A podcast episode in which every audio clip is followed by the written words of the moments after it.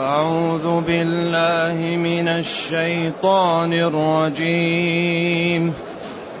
كذلك أرسلناك في أمة قد خلت من قبلها أمم لتتلو عليهم الذي أوحينا إليك. وهم يكفرون بالرحمن. قد خلت من قبلها. قد خلت من قبلها أمم لتتلو عليهم لتتلو عليهم الذي أوحينا إليك وهم يكفرون بالرحمن. قل هو ربي لا إله إلا هو عليه توكلت وإليه متاب ولو أن قرآنا سيرت به الجبال أو قطعت به الأرض أو كلم به الموتى بل لله الأمر جميعا أفلم ييأس الذين آمنوا أفلم اقرأ الآية طيب. بلش ولو أن قرآن بلش بل لله. أيوة اقرأها زين أيوة. بل لله الأمر جميعا أفلم ييأس الذين آمنوا أن لو يشاء الله لهدى الناس جميعا ولا يزال الذين كفروا تصيبهم بما صنعوا قارعة أو تحل قريبا من دارهم حتى يأتي وعد الله. إن الله لا يخلف الميعاد. ولقد استهزئ برسل من قبلك فأمليت للذين كفروا. ثم أخذتهم فكيف كان عقاب؟ أفمن هو قائم على كل نفس بما كسبت؟ وجعلوا لله شركاء. قل سموهم. أم تنبئونه بما لا يعلم في الأرض أم بظاهر من القول بل زين للذين كفروا مكرهم وصدوا عن السبيل ومن يضلل الله فما له من هاد لهم عذاب في الحياة الدنيا ولعذاب الآخرة أشق. ولعذاب الآخرة أشق وما لهم من الله من واق. مثل الجنة التي وعد المتقون. تجري من تحتها الأنهار أكلها دائم وظلها. تلك عقبى الذين اتقوا وعقبى الكافرين النار.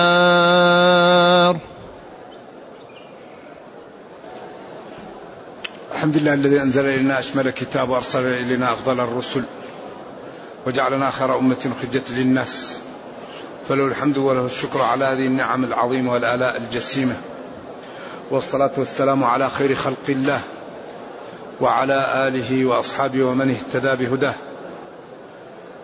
أما بعد فإن هذه الآيات التي أشير إليها بالأمس تبين أن النبي صلى الله عليه وسلم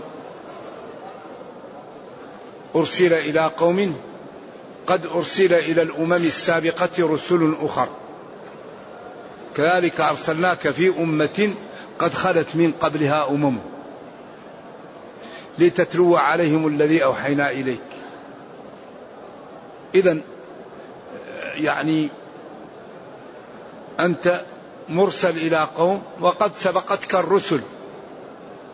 فإن كذبك قومك أو ضايقوك أو وقع لك فإن الرسل السابقة حصل لهم ذلك. وإن حاولوا أذيتك فإن هذا طبيعة البشر ولكن الله تعالى سيجعل العاقبة لك كما قال تعالى وإن جندنا لهم الغالبون. نعم. كذلك هكذا أرسلناك في أمة جماعة والأمة قال للرجل الذي يقتدى به وللجماعة وللزمن. قد حرف تحقيق خلت مضت من قبلها من قبل مجيئها أمم. إذا أرسلناك وقبلك رسل إلى أمة وقبل هذه الأمة أمم. أرسلناك لما لا لتتلو عليهم الذي أوحينا إليك لتبلغهم وتقرأ عليهم الذي أوحينا إليك وهو القرآن. والسنة من الوحي لتبين لهم دينهم وتبين لهم الواجب وتأمرهم باتباعه وتبين لهم الحرام وتحذرهم من اتباعه. وهؤلاء الذين أرسلتك إليهم لتبين لهم الدين يكفرون بالرحمن يكفرون بالله أو يكفرون بتسمية ربهم الرحمن على الأقوال وهو الذي شملهم بكل خير ودفع عنهم كل شر فكيف يكفرون به لتقرأ عليهم الذي أوحينا إليك والحال أنهم يكفرون بالرحمن يكفرون بالله وقد جاءهم في هذا الذي تتلو عليهم أكبر برهان على صدقي وعلى أني المعبود بحق وعلى أن هذا كلامي أرسلته وأنه حجه قائمه إلى قيام الساعة. قل لهم يا نبيي إن كفروا هو ربي هو الذي رباني وغذاني وهو الذي نصرني وهو الذي أعزني وهو الذي أعبده وهو سيدي ربي. أيوه سيدي ومالكي ومدبر أمري ومعبودي هو ربي. لا معبود بحق سواه. عليه لا على غيره توكلت. وإليه متاب وإليه رجوعي. فيجازيني ويجازيكم كل بحسب عمله. ثم بين جمال هذا الدين وحسن هذا القرآن وأنه لو فرضنا أن قرآنا سيرت به الجبال أو قطعت به الأرض وأجريت أنهار أو كلم به الموتى لكان هذا القرآن. أو لما آمنوا على الأقوال الموجودة في الآية. ولو فرضنا أن قرآنا يعمل به الشيء لكان هذا القرآن. ولذلك أخبر الله أنه لو أنزل هذا القرآن على جبل لرأيته خاشعا متصدعا من خشية الله. بعدين قال وتلك الأمثال نضربها للناس. فهذا القرآن نور وهداية ومعجزة. وكل واحد منا يأخذ منه ما يحتاجه لدينه ولدنياه.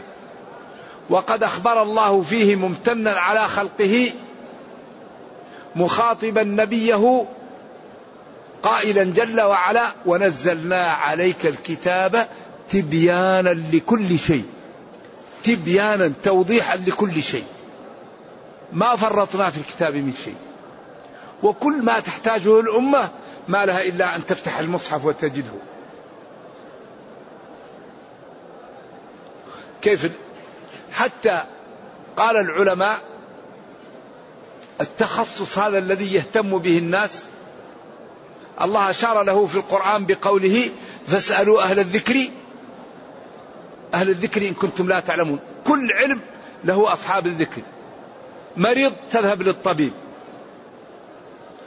تريد حكم شرعي تذهب للعالم. تريد قراءة تذهب للقارئ. تريد بناء تذهب للمهندس. كل اسألوا أهل الذكر. اسألوا أهل الذكر إن كنتم لا تعلمون بكل علم تحتاجونه. وكل ما نحتاج إليه موجود في هذا القرآن. لكن لا بد أن نعطيه وقت. لأنه ما يمكن إنسان ينتج في الدنيا إلا بوقت. كل عمل يحتاج إلى الوقت. الصلاة الصوم الزراعة البيع الشراء الإنجاب التعلم. كل شيء في الحياة يحتاج وقت. ومن أهم ما يصرف فيه الوقت كتاب الله. أوامر فرض عين تعلمه. شيء حرام تعلمه تتجنبه إذا هذا القرآن معجزة خالدة إلى قيام الساعة. محفوظ. أي إنسان يزيد في حرف يقال له لا. هذا الحرف خطأ. يحذف كلمة. لا. إنا نحن نزلنا الذكر وإنا له لحافظون. إنا الله له للقرآن. حافظون لا غيرنا. لذلك ولو فرضنا أن قرآنا سيرت به الجبال مشيت به وحركت وقلعت عن أماكنها أو قطعت به الأرض وجعلت أنهار أو كلم به الموتى لكان هذا القرآن. ثم قال بل لله الأمر جميعا بل إضراب. لله الأمر جميعا ما أراده كان وما لم يرده لا يكون. هذا يقول من أهل الجنة هذا من أهل جهنم هذا لا يفهم هذا يفهم هذا عمره كذا هذا رزقه كذا خلاص ختم ختم ختم. بل لله الأمر جميعا الحكم لله يحكم. ولذلك قال كما سيأتي يمحو الله ما يشاء ويثبت عنده أم الكتاب كما سيأتي. لذلك إذا نفخ فيه الروح يكتب أربعة. خلاص ختم انتهى. قالوا ففيما العمل؟ قال اعملوا فكل ميسر. إن الرجل لا يعمل بعمل أهل النار فيما يبدو للناس حتى لا يبقى بينه وبينها إلا ذراع فيسبق عليه القلم فيعمل بعمل أهل الجنة فيدخلها. والحديث في البخاري. فيما يبدو للناس في البخاري زيادة في البخاري. صحيح البخاري. ولذلك ينبغي أن نجتهد في العمل ونسأل الله التثبيت. ثم قال أفلم ييأس الذين آمنوا أن لو يشاء الله لهدى الناس جميعا؟ أفلم يعلم؟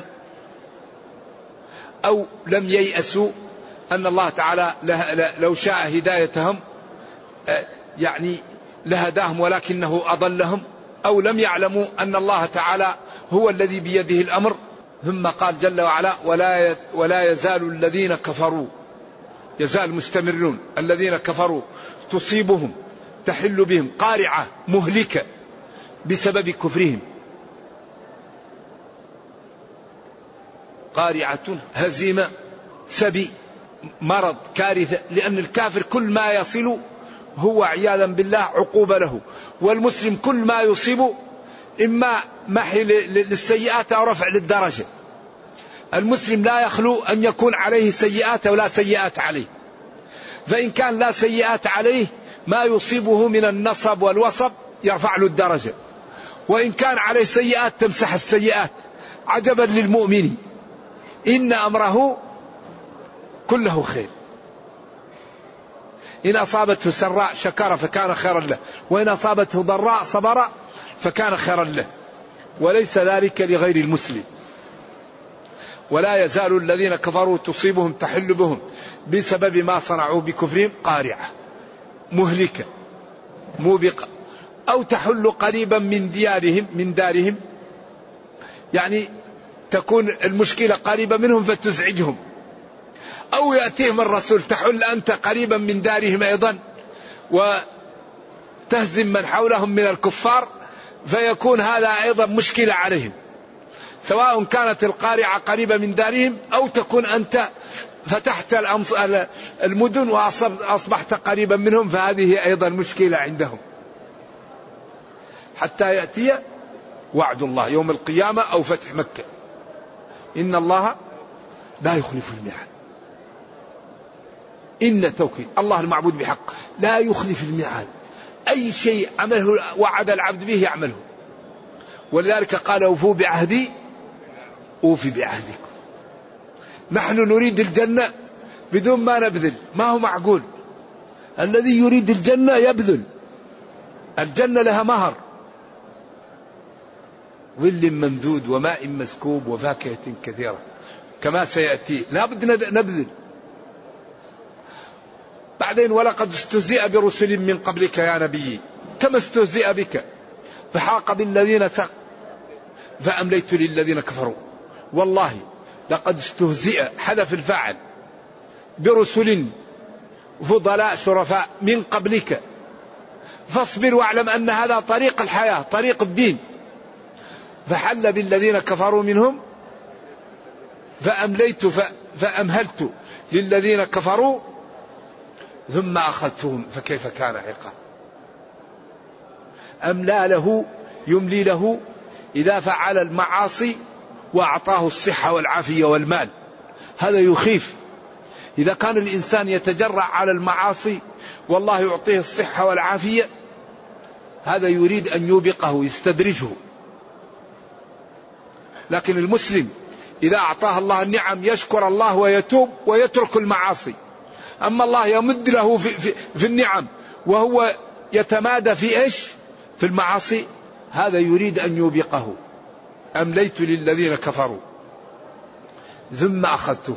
وكذلك أخذ ربك إذا أخذ القرى وهي ظالمة.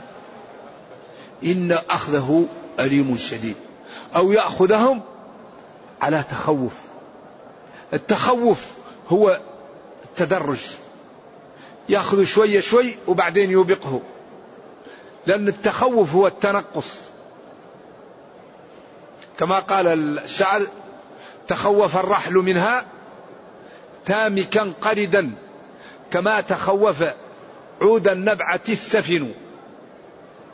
تخوف الرحل أكل الرحل من السنام المرتفع تامكا يعني مرتفع قردا متلبدا. ليس ما كما يقول بعض من فيه القراد. القراد لا يكون في السمين يكون في الهزيل وإنما القرد المتلبد الشحم عليه. تامك مرتفع قرد.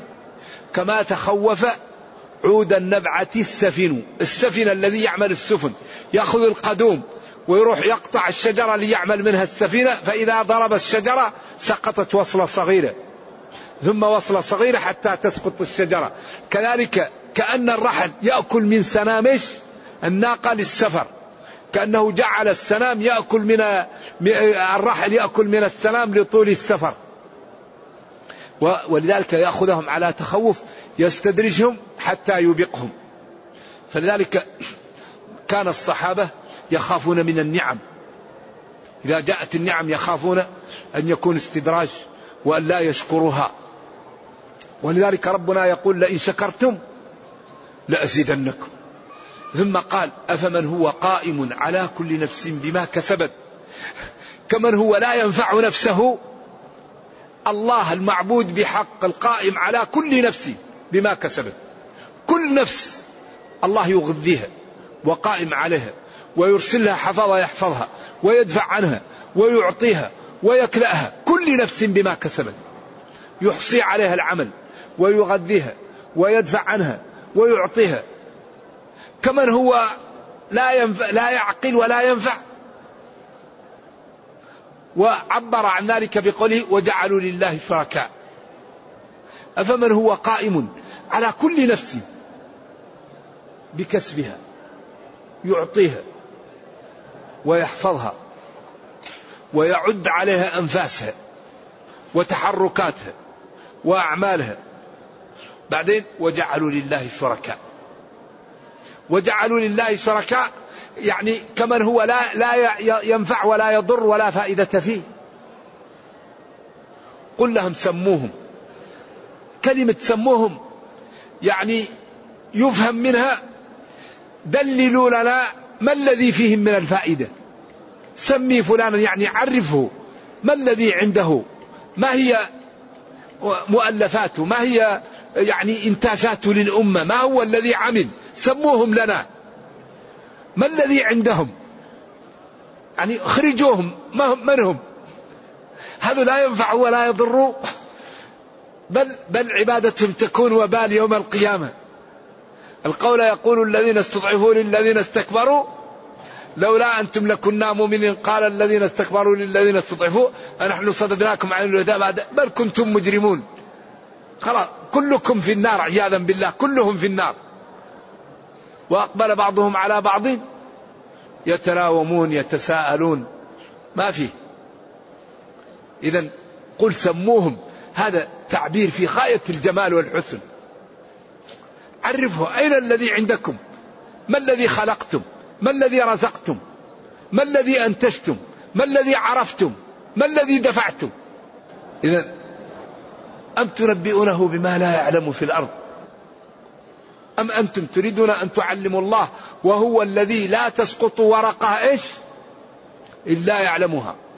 وهو الذي أخبر عن نفسه جل وعلا أنه لو جعل البحار مدادا والأشجار أقلاما وجلس البشر يكتبون بلايين السنين لجفت تلك البحار وتكسرت تلك الأقلام وما نفدت كلمات الله. ولو أن ما في الأرض من شجرة أقلام والبحر يمده من بعده سبعة أبحر وجعلنا البحار مدادا والأشجار أقلاما وجلس البشر مضروبون في الحصى بلايين السنين لجفت البحار وتكسرت الأقلام وما نفدت كلمات الله. ما خلقكم ولا بعثكم. جنون من هذه صفاته كيف يعصى؟ من هذه صفاته كيف تعطل أوامره؟ من هذه صفاته كيف تنتهك نواهيه؟ و وحملها الإنسان إنه كان ظلوما جهولا. صدق الله العظيم. الإنسان عجيب. بما لا أم بظاهر من القول. بل أنتم الذي تفعلونه شيء ظاهر لا حقيقة له ولا شيء. بل زين للذين كفروا مكرهم حذف الفاعل لأنه الكلام ينصب على فعلهم للمكر. وصدوا وصدوا.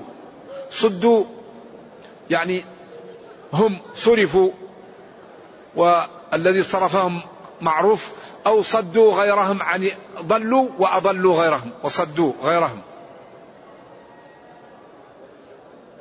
ومن يضي الله فما له من هاد الذي يضلله الله لا هادي له. ولذلك يعني من أهم شيء أن الله تعالى يطلبه العبد أن لا يضله. ثم قال جل وعلا لهم عذاب ولهم هؤلاء لهم عذاب في الحياة الدنيا من الهزيمة والأسر والقتل ولا عذاب الآخرة أشق أعظم. وما لهم من الله من حام يحميهم. ولا ناصر ينصرهم. ثم بدأ يبين صفات الجنة. قال مثل الجنة التي وعد المتقون. تجري من تحتها الأنهار أكلها دائم وظلها. مثل الجنة. هنا المفسرون قال إيش المثل هذا؟ المثل هي الجنة. مثل أن تقول مثلك لا يفعل هذا أنت لا تفعل هذا. مثلك لا يقول هذا أنت لا تقول هذا. مثل الجنة أي الجنة التي وعد المتقون. كأن المثل المقصود به الجنة. وقيل صفة الجنة. وبعضهم يقول المثل هنا كأنه تزيد. وإنما الجنة التي وعد المتقون تجري من تحت أشجارها وبيوتها الأنهار. أكلها وأكلها. أكلها وأكلها أي مأكولها. ثمراتها. دائم. تقطف الثمرة تأتي بدلها واحدة. إذا احتجت للثمرة تأتي الغصن يجيك وتأخذ منه الغصن يجيك. تأخذ منه الثمرة وتنبت في وقتها. وظلها دائم. هذا الذي ينبغي أن يصرف له الوقت هذا الذي ينبغي أن تكبح الشهوة حتى الإنسان يأتي للجنة ونهى النفس عن الهوى.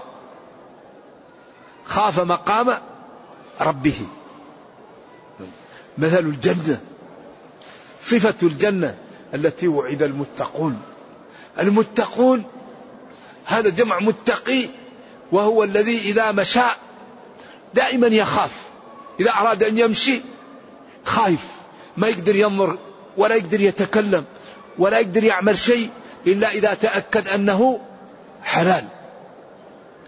المتقي مثل الذي يمشي في محل فيه شوك ومسامير وليس منتعل فلا يقع تقع رجله إلا حيث يقع بصره. قال ذلك التقى.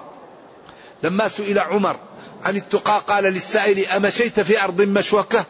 قال نعم أي كثيرة الشوك قال ما لا تفعل؟ قال لا أضع قدمي إلا حيث يقع بصري. قال ذلك التقى. ذلك التقى. أعيد المتقون. المتقي ما يتكلم في, في كل شيء. ما يأكل كل شيء. ما ينظر لكل شيء. ينظر للحلال. يتكلم بالحلال. يخوض في فيما ينفع الناس. أما الخوض مع الخائضين ما يصلح. لا خير في كثير من نجواهم إلا من أمر بصدقة أو معروف أو إصلاح بين الناس. والله هذا الإسلام دين رائع. بس نحن نائمون. لابد أن نعطي وقت له. أكلها دائم. الأكل المأكول. أكل وأكل. كل قراءة سبعية. أكلها وأكلها. دائم لا ينقطع في كل الأوقات وكل ما أخذت ثمرة تنبت من حالها. إذا اشتهيت الطعام يأتيك وإذا اشتهيت أن يأتوك خدم يأتوك ولدان. يعني إذا نظرت للواحد لجماله وفيها ما تشتهيه الأنفس وتلذ الأعين وأنتم فيها خالدون. هذا الذي ينبغي أن تصرف فيه الهمم. ينبغي أن يبذل فيه الواحد. ينبغي أن يجتهد حتى يكون من أهل الجنة. تلك الجنة عقبى الذين اتقوا. هذه الجنة للذين اتقوا الله وعملوا بطاعة الله. الذين اتقوا. اتقوا المعاصي اتقوا الشرك اتقوا العقوق اتقوا أذية الجيران اتقوا قطيعة الرحم. اتقوا الكذب اتقوا النجش اتقوا الربا اتقوا النميمة اتقوا الرياء اتقوا رؤية الفضل على الغير اتقوا يعني عدم التعلم لأن من أكبر الكبائر يكون المسلم لا يعرف فرض العين. قال العلماء المسلم الذي يعيش بين المسلمين لا يسامح في جهل فروض العين. واحد يكون ما يعرف مبطلات الصلاة. ما يعرف يعني الماء الذي يتوضأ به صفاته. ما يعرف يرفع الحدث. وهو يعيش بين المسلمين قال العلماء لا يسامح. إذا اتقوا الله تعالى في كل ما حرم عليهم واتقوا الله تعالى في فعل كل ما أوجب عليهم.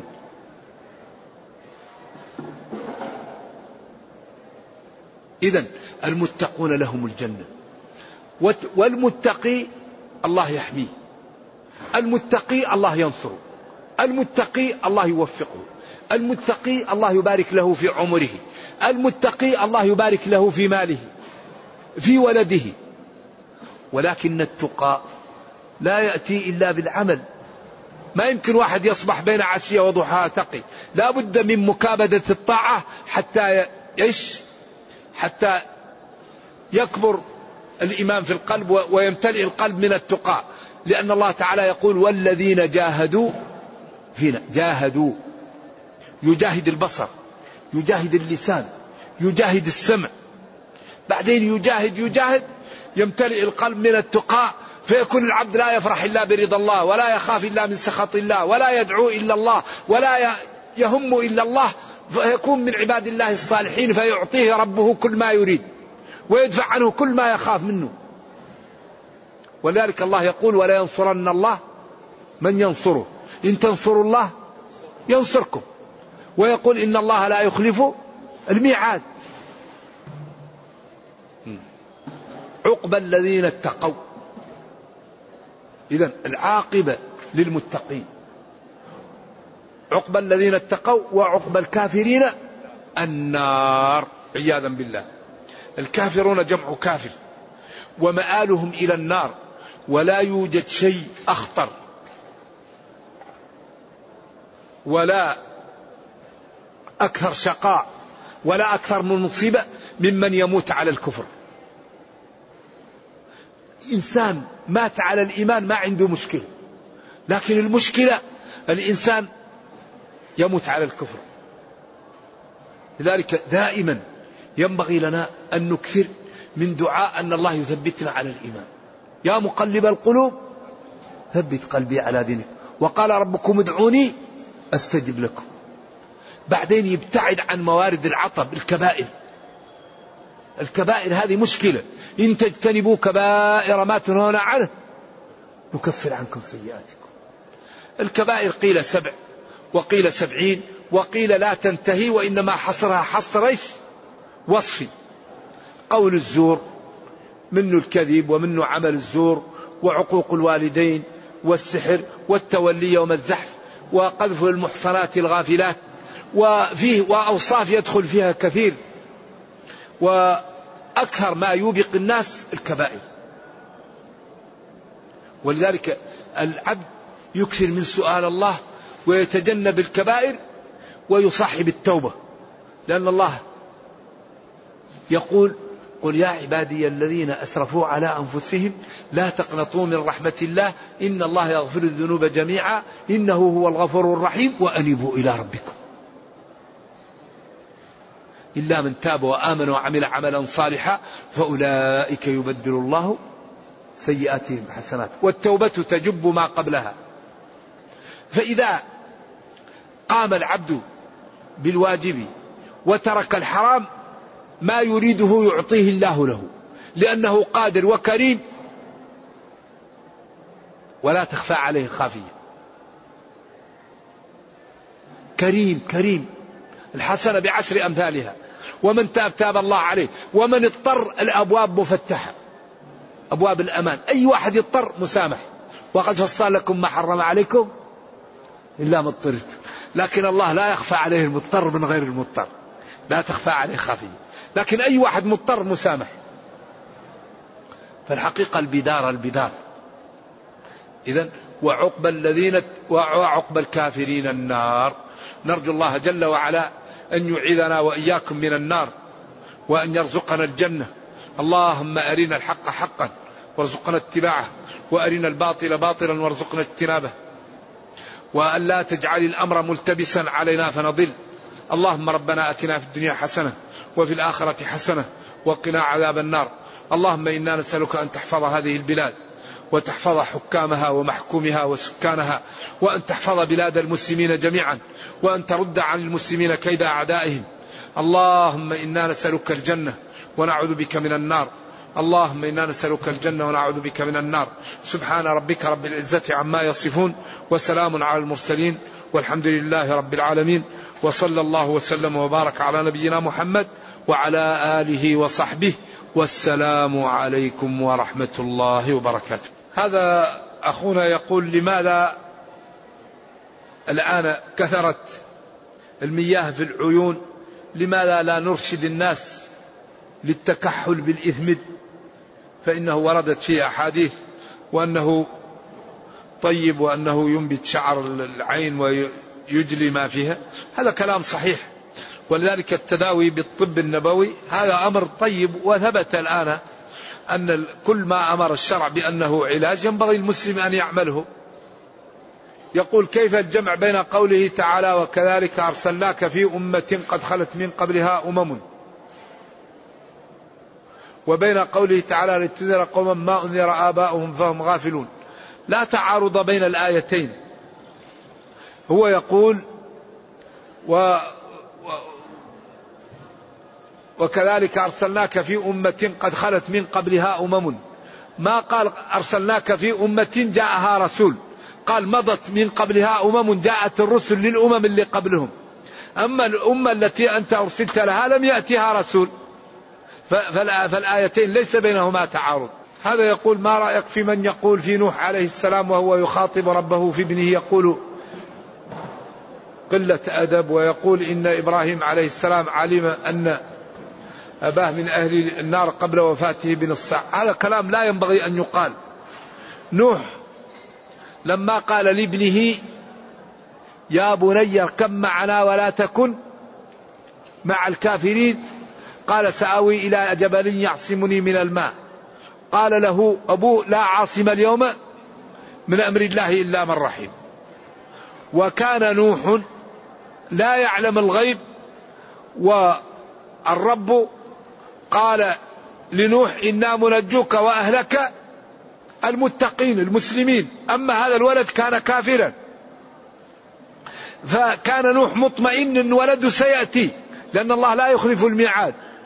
فلما استوت على قال ربي إن ابني من أهلي وأنت قلت لي إنا منجوك وأهلك وأنت يا ربي لا تخلف الميعاد. فأجابه ربه بقوله يا نوح إنه ليس من أهلك الموعود بنجاتهم. إنه عمل أو عمل غير صالح أو عمل غير صالح فلا تسألني ما ليس لك به أو تسألني. فعلى طول نوح قال ربي إني أعوذ بك أن أسألك ما ليس لي به علم وإلا تغفر لي وترحمني. أكن من الخاطئين. أبدا كلام في غاية الأدب والحسن. أما إبراهيم يعني قال سأستغفر لك ربي إنه كان بي حفيا. ثم لما قال الرسول لعمه سأستغفر لك ما لم أنهى قال الله تعالى ما كان للنبي والذين آمنوا أن يستغفروا للمشركين ولو كانوا أولي قربى من بعد ما تبين لهم أنهم أصحاب الجحيم. ثم قال وما كان استغفار إبراهيم لأبيه إلا عن موعدة وعدها إياه فلما تبين له أنه عدو لله تبرأ منه. فهذه نصوص تدل على أن ما قال أخونا غير صحيح. نعم. وأن هذا الفهم خاطئ. يقول هل هناك برهان قاطع على أن زوجات الأنبياء معصومات من الخيانات الزوجية؟ ضروري. يا أخي الله قال الخبيثات للخبيثين والخبيثون للخبيثات والطيبات للطيبين والطيبون للطيبات وكل شكل مع شكله فزوجات الأنبياء هم محل الطهر ومحل الحصانة ولكن يعني بعض زوجات الأنبياء كفرت وما في ذنب أعظم من الكفر ولكن هذه الأمور لا, لا يتعدى فيها النص. لكن آه النبي صلى الله عليه وسلم لما قال يا عائشة إن كنت ألممت بسوء الله أنزل أولئك مبرؤون. ولذلك الذي يتهم يعني عائشة هذا كافر هذا كفر. لأن الله قال أولئك مبرؤون فهو يكذب القرآن والذي يكذب القرآن كافر. أولئك مبرؤون. وبين أن أصحاب الفضل لأصحاب الفضل وأصحاب الخبث لأصحاب الخبث. الزاني لا ينكح إلا ثانية أو مشركة وحرم ذلك على المؤمنين. أما الطيبات للطيبين حصان رزان لا تزن بربية وتصبح غرثا من, من لحوم الغوافل كما قال حسان رضي الله عنه. نعم. ما حكم الصلاة في مسجد في طرفه الأخير قبر؟ لا ينبغي. أن توضع المساجد على القبور ولا القبور في المساجد. هذا لا ينبغي. وإذا بني المسجد قبل القبر فالأمر سهل. أما يبنى يبنى المسجد على القبر فهذه الكارثة. لكن إذا كان المسجد قبل القبر فالأمر أسهل ولكن ينبغي أن تبعد القبور عن المساجد. نعم. لكن في شيء اسمه تزاحم المفاسد. أحيانا إذا تزاحمت المفاسد يرتكب إيش؟ أخف الضررين. هل الأفضل أن نصلي السنن الرواتب والنوافل في المسجد أم في الفندق القريب من الحرم؟ الأفضل صلاة النوافل في البيوت. صلوا في بيوتكم. صلوا في بيوتكم. فإن صلاة المرء في بيته أفضل إلا المكتوبة. النوافل في البيت أفضل. وإذا كانت تضاعف النوافل في المسجد فهي في البيت أكثر مضاعفة. نعم. هل صلاة الجنازة والنوافل في الحرم المكي والمدني أجرها مضاعف؟ الله أعلم. نعم. نرجو الله تعالى أن يشفي مرضانا ومرضاكم. السلام عليكم ورحمة الله.